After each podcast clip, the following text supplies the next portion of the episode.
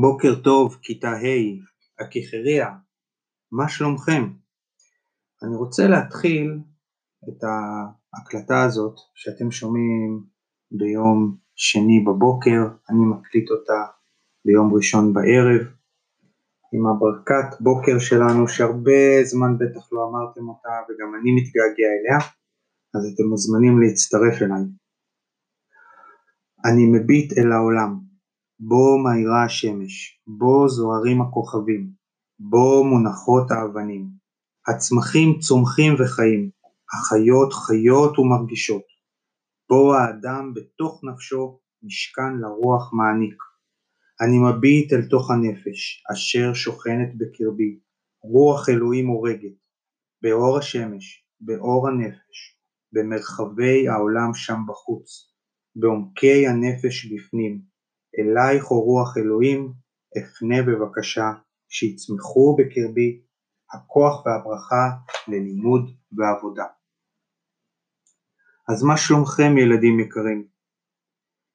אני מזמין אתכם, לפני שאני אמשיך, להתמתח, לקום, ממש לקום, כמו שאנחנו עושים כל בוקר בכיתה לפני שיוצאים למסלול בוקר, ואני גם קם איתכם, ולהתמתח ידיים לתקרה. לתקרה, לעמוד על קצות האצבעות, להרגיש שאתם רוצים להגיע לתקרה ולרדת, ידיים מאחורי המותניים ולהישען אחורה, להתכופף כאילו הגב מתכופף אחורה ולחזור, להוריד ידיים לרצפה, לכופף את הגב, להישאר שם שנייה ולעלות ותוך כדי נשימה ידיים על המותניים שוב ולסובב אותם לצד אחד ולצד שני וידיים לפורסות ישרות ומצד לצד, מצד לצד ודי. כמו שאתם בטח שמים לב האביב נמצא בשיאו או קרוב לשיאו, קצת יותר חם אבל עדיין יש בערב את הקרירות ועוד נעים ממש במיוחד אחרי הצהריים לטייל. החרציות שפורחות בכל הוד השרון הן די בשיא שלהם, ממש בשיא הגובה שלהם. הירוק, הכהה של הגבעולים שלהם קצת קצת נהיה יותר בהיר, כלומר טיפה מתחיל להתייבש, ואני הולך מדי כמה ימים לחווה והצמחייה שם ממש מגיעה לגובה, כמעט לגובה שלי, או, לגב, או לגובה הכתפיים שלי ואני מאסף קצת את הערוגות ואני מסתכל כל פעם על ערוגת הספירלה שבנינו שיש שם כבר צמחי תבלין ומאוד נהנה מהאביב. היום יום שני זה ערב יום השואה, כלומר מחר יום שלישי כשניפגש בפגישת זום זה יהיה יום השואה, שזה יום מאוד מיוחד. אה, ביום הזה אנחנו נזכרים באירועים שקרו לפני כ-80 שנה. זה נשמע כאילו זה הרבה זמן, אבל אנחנו לומדים בכיתה עכשיו על יוון ולפני זה על הודו ופרס ומצרים, על אירועים שקרו לפני אלפי שנים. כלומר 80 שנה זה לא כל כך הרבה זמן, ועדיין יש אנשים שחיים בימינו שהיו ילדים בזמן השואה. השואה קרתה בשנים 1939 עד 1945, אז מי שרוצה לעשות איזשהו חישוב קל בראש, השנה עכשיו 2020, ושיעשה חישוב כמה שנים זה עד נגיד 1940, נכון? 80 שנה. וזו הייתה תקופת מלחמת העולם השנייה, לפני שקמה מדינת ישראל, ובמלחמת העולם השנייה הגרמנים החליטו שהם כובשים את כל העולם והם התחילו בלכבוש את אירופה וגם הם החליטו שהם פשוט לא רוצים את היהודים כי מבחינתם היהודים הם עם נחות ולכן צריך לגרש אותם ואפילו להרוג אותם. המון סיפורים יצאו מהשנים האלה, מהשנים המאוד קשות האלה, סיפורי גבורה, סיפורים על אנשים שהצליחו לשרוד, כל מיני סיפורים, המון סיפורים. למשל, אבא של אשתי היה ילד בשואה והוא הצליח להינצל. אני רוצה לספר לכם סיפור שאני רוצה שתקשיבו לו טוב טוב וכל הזמן תחשבו על מילה אחת שאתם לוקחים מהסיפור הזה ואת המילה הזאת אני רוצה שתרשמו על דף A4 ותביאו למפגש שיהיה מחר, למפגש הזום. הסיפור נקרא הבובה של יעל. יעל, שאז כשהייתה ילדה, ילדה קטנה קראו לה זושה, נולדה בפולין, בעיר ורשה, שזאת עיר הבירה. היו לה אבא שעבד במוזיאון ואימא שהייתה מורה. והיה לה משפחה גדולה. הרבה דודים ובני דודים והם גרו כולם ביחד. באיזשהו שלב אבא אימא שלה ו... והילדה עברו לגור בדירה משלהם. ומעכשיו אני אספר את הסיפור כאילו שהילדה זושה מספרת אותה. הם חיו והכל היה טוב ונעים עד שפרצה המלחמה והגרמנים פלשו לפולין והתחילו להמציא חוקים חדשים נגד היהודים שהקשו מאוד את החיים של היהודים.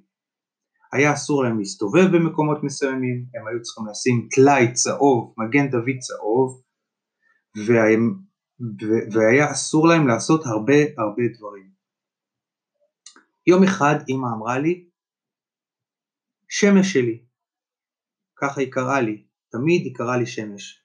אבא צריך ללכת למחנה ולעבוד שם והוא לא יחזור בזמן הקרוב. ואנחנו צריכים לעבור לגטו. מה זה גטו? שאלתי. גטו יהיה פה בוורשה, זה אזור רק של יהודים. ככה החליטו הגרמנים שהיהודים יגורו בנפרד. נוכל לקחת את כל הדברים שלנו, הרהיטים והצעצועים? לא, אמרה אמא, נוכל לקחת כמה, צע... כמה תמונות. עברנו לגטו, לבית שלא הכרתי, מסביב לגטו הייתה חומה שאסור היה ליהודים לעבור אותה ולעבור לחלקים האחרים של ורשה ששם היו רק פולנים. היה מאוד צפוף, כי כל יהודי ורשה עברו למקום מאוד קטן וגרנו כמה משפחות בדירה מאוד קטנה ואנחנו גרנו עם הדודים והבני דודים שלי ולי האמת לא כל כך היה אכפת בהתחלה כי שיחקתי עם הבני דודים שלי. היה מעט אוכל בגטו, אבל אימא הייתה כל הזמן דואגת שנאכל והייתה חוזרת לפעמים עם כמה כרובים וגזרים ושמעתי אותה שהיא מספרת לדודים שלי שהייתה מחכה ליד שביל שהיו בו הרבה אבנים ובורות והעגלה שהייתה עוברת שם עם ירקות מהטלטלות של הדרך הייתה, היו נופלים משם מהעגלה ירקות והיא הייתה אוספת אותם. תמיד ידעתי שאני אוכל לסמוך על אימא. אני ואימא באיזשהו שלב עברנו למקום אחר. אימא באה ואמרה לי, אנחנו צריכים להתחבא, כי הגרמנים כבר ממש ממש כועסים עלינו, על היהודים.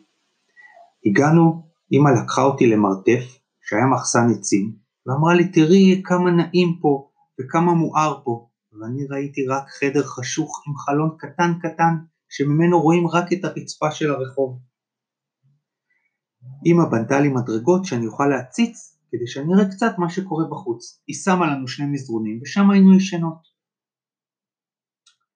אמרתי לאמא, אמא, יש פה החברושים, התינוקות שלהם מאוד חמודים אבל האבא והאמא שלהם מאוד מפחידים אותי. אמא נתנה לי מקל ואמרה לי, איתם, עם המקל הזה תגרשי את העכברושים. אמא הייתה משחקת איתי והייתה מלמדת, מלמדת אותי והייתה מספרת לי איך נראית ורשה ואיזה מקומות יפים יש בפולין. הייתה אומרת לי תעצמי את העיניים ותדמייני שאת בהר גבוה מלא ביערות ומיצים גבוהים ושלג יש בכל מקום ויש גם שמש נעימה כי, הפסיק לרדת שלג ונהיה נעים והנה עכשיו תדמייני שאנחנו נוסעים באוטו להרים ותרגישי את הרוח ותרגישי את החום של השמש ותראי את הנוף היפה. והנה אנחנו עולים על, על מגלשת שלג ואנחנו גולשים. וככה היא הייתה מרדימה אותי בסיפורים מהדמיון שממש עזרו לי להירדם. אמא באיזשהו יום אמרה לי, אני צריכה ללכת לעבוד ואת תישארי לבד. ותמיד תמיד אני אחזור. ובאמת אימא הייתה יוצאת בבוקר, וידעתי שהיא לוקחת ילדים קטנים מההורים שלהם בגטו, ומתחפשת לפולניה ומוציאה אותם לפולנים טובים שהבטיחו לשמור עליהם ולטפל בהם. וככה אימא הייתה יוצאת וחוזרת, יוצאת וחוזרת. ואני הייתי מחכה לה לבד, במחסן, במרתף הקטן והאפל. ואימא הייתה חוזרת ומביאה לי אוכל, והייתה תמיד דואגת לי. והייתה אומרת לי כמה שאני גיבורה, ואני הייתי אומרת לה, אימא, גם את גיבורה, את מתחפשת ללא יהודייה ומבריחה ילדים יהודים מהגטו. את מאוד גיבורה. ואימא חיבקה אותי חזק חזק. יום אחד אימא שלי חזרה והביאה לי משהו שלא הבנתי בהתחלה מה זה, והיא אמרה לי, שמש שלי, תראי מה הבאתי לך, בובה. ואני הסתכלתי, וזה בכלל לא ראיתי בובה, אמרתי לה, אמא, זה ראש של בובה. היא אמרה, אל, היא אמרה לי, אל תדאגי, והיא מצאה בד, והכינה לבובה גוף. ואמרה לי, את תהיי האימא של הבובה, ובאמת ככה אני הייתי אחראית על הבובה, וקראתי לבובה ז'וז'יה, והייתי מספרת לה למה אנחנו נמצאים במרתף, ולמה הגרמנים כל כך רעים, והבטחתי לה שיום אחד אנחנו נצא מן המרתף וגם מהגטו. ואני הייתי נשארת ומרגיעה את הבובה ודואגת שהיא לא תפחד יותר מדי. יום אחר אמא חזרה ואמרה אני אלמד אותך לרקום. היא לקחה כף עץ קטנה, עשתה בחור, לקחה קרטון והשחילה לחור בכף עץ חבל דק. ואמרה זו המחט שלך.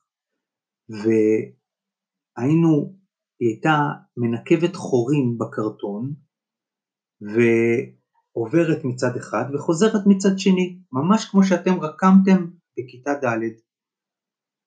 וככה היינו עושים צורות מאוד יפות עם החוט או החבל שהיא הביאה לי.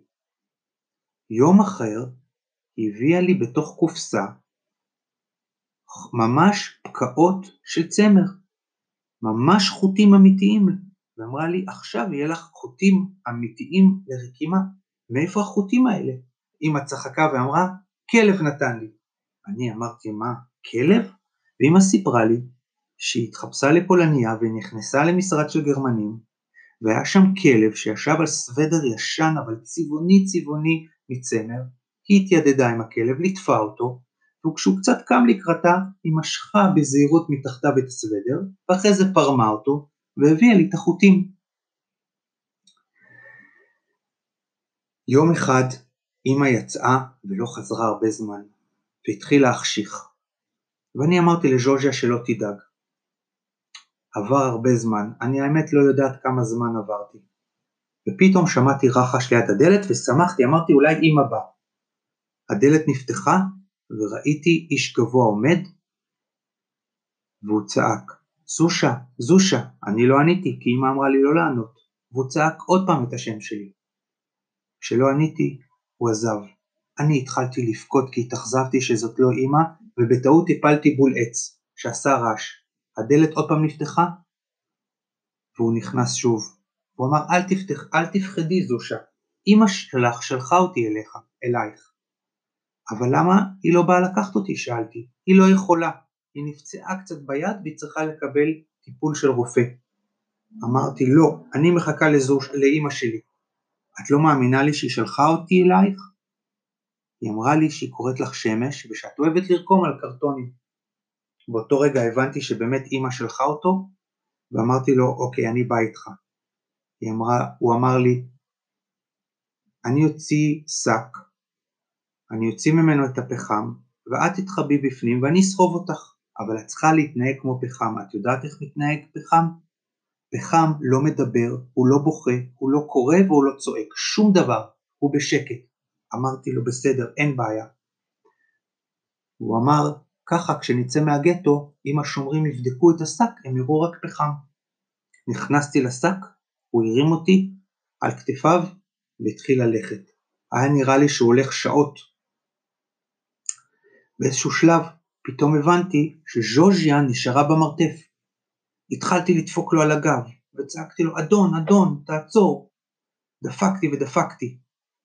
כעבור כמה דקות הוא הוריד את השק, אני הורדתי מעליי את הקרש ואת הפחמים שנשפכו מסביב ואמרתי לו, אני לא יכולה להמשיך, השארתי את ג'וז'יה במרתף, היא בטח פוחדת ומחכה ולא מבינה איפה אני. הוא אמר לה, מי זאת ג'וז'יה? ג'וז'יה זה הבובה שלי, אמרתי לו. אני מסכן את החיים שלי ואת מדברת איתי על בובות, הוא אמר. אמרתי לו, אמא לא יכולה להשאיר את הבת שלה, לבד. הוא הסתכל עליי ואמר לי, את יודעת מה? את צודקת. אמא לא יכולה להשאיר את הילדה שלה. היכנסי לשק ואנחנו נחזור לקחת אותה. ושוב הוא נכנס ושם עליי את הקרש ואת הפחמים, העמיס אותי על כתפיו והוא התחיל ללכת. ובאמת, הגענו למרתף, הוא נכנס מהר, הביא לי ג'וז'יה, ושוב העמיס את השק על כתפיו, ועוד פעם הוא הלך והלך והלך. בסופו של דבר באמת הגענו לאימא. אימא קפצה ממקומה כשנכנסנו ושאלה, מה לקח לכם כל כך הרבה זמן? אני ראיתי שלאימא יש זרוע חבושה, אבל כל כך שמחתי, והיא חיבקה אותי ונשקה אותי. הנער סיפר לה שכמעט כבר הגענו, אבל אז זושה התעקשה לחזור לקחת את ז'וז'י הבובה, ואני הסכמתי. אמא אמרה, כמה זה היה מסוכן, למה הסכמת לחזור? ואני אמרתי, אמא, הוא היה ממש בסדר, אל תכעסי עליו. אמרתי לו שאמא לא יכולה להשאיר את הילדה שלה. הוא עזר לי. תודה לך, אדוני. תודה, אמא גם אמרה לו. ואמא ממש בכתה מרוב אושר, כי היא חיכתה כל כך הרבה זמן, וכולנו שמחנו שאנחנו בסדר. ככה הבריחו אותי מהגטו. אחרי זה נמשכה המלחמה עוד שלוש שנים, ועברנו ממקום למקום, התחבאנו, תמיד מצאנו אוכל אבל מעט, היה קשה אבל הסתדרנו, אמא שמרה עליי ואני שמרתי על ז'וז'יה. וכשהמלחמה הסתיימה הגענו שלושתנו, אמא, אני וז'וז'יה לארץ ישראל, ואז נודע לנו שאבא כבר מת. ואני עברתי לגור בקיבוץ והקמתי משפחה, היום אני גרה בירושלים, ועכשיו אני נקראת סבתא יעל, ויש לי בן, בת ונכדה, וגם להם אני קוראת שמש. זהו, זה הסיפור על הבובה של יעל, ואני מזכיר לכם, תחשבו על מילה אחת שהכי בולטת לכם מהסיפור הזה, תרשמו אותה על דף A4 גדול ותביאו אותה מחר למפגש הזום.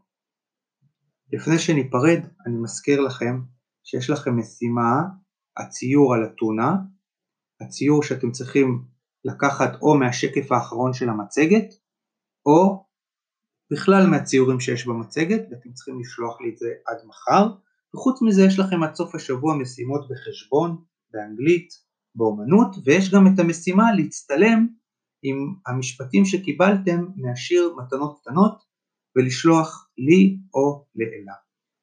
אז עכשיו אני אפרד מכם ואנחנו ניפגש מחר במפגש זום. אז להתראות בינתיים, ועכשיו אני באמת מציע לכם להמשיך ולפחות לעשות עוד משימה אחת מהלימודים, מהמשימות שציינתי. שיהיה לכם בוקר נעים ולהתראות.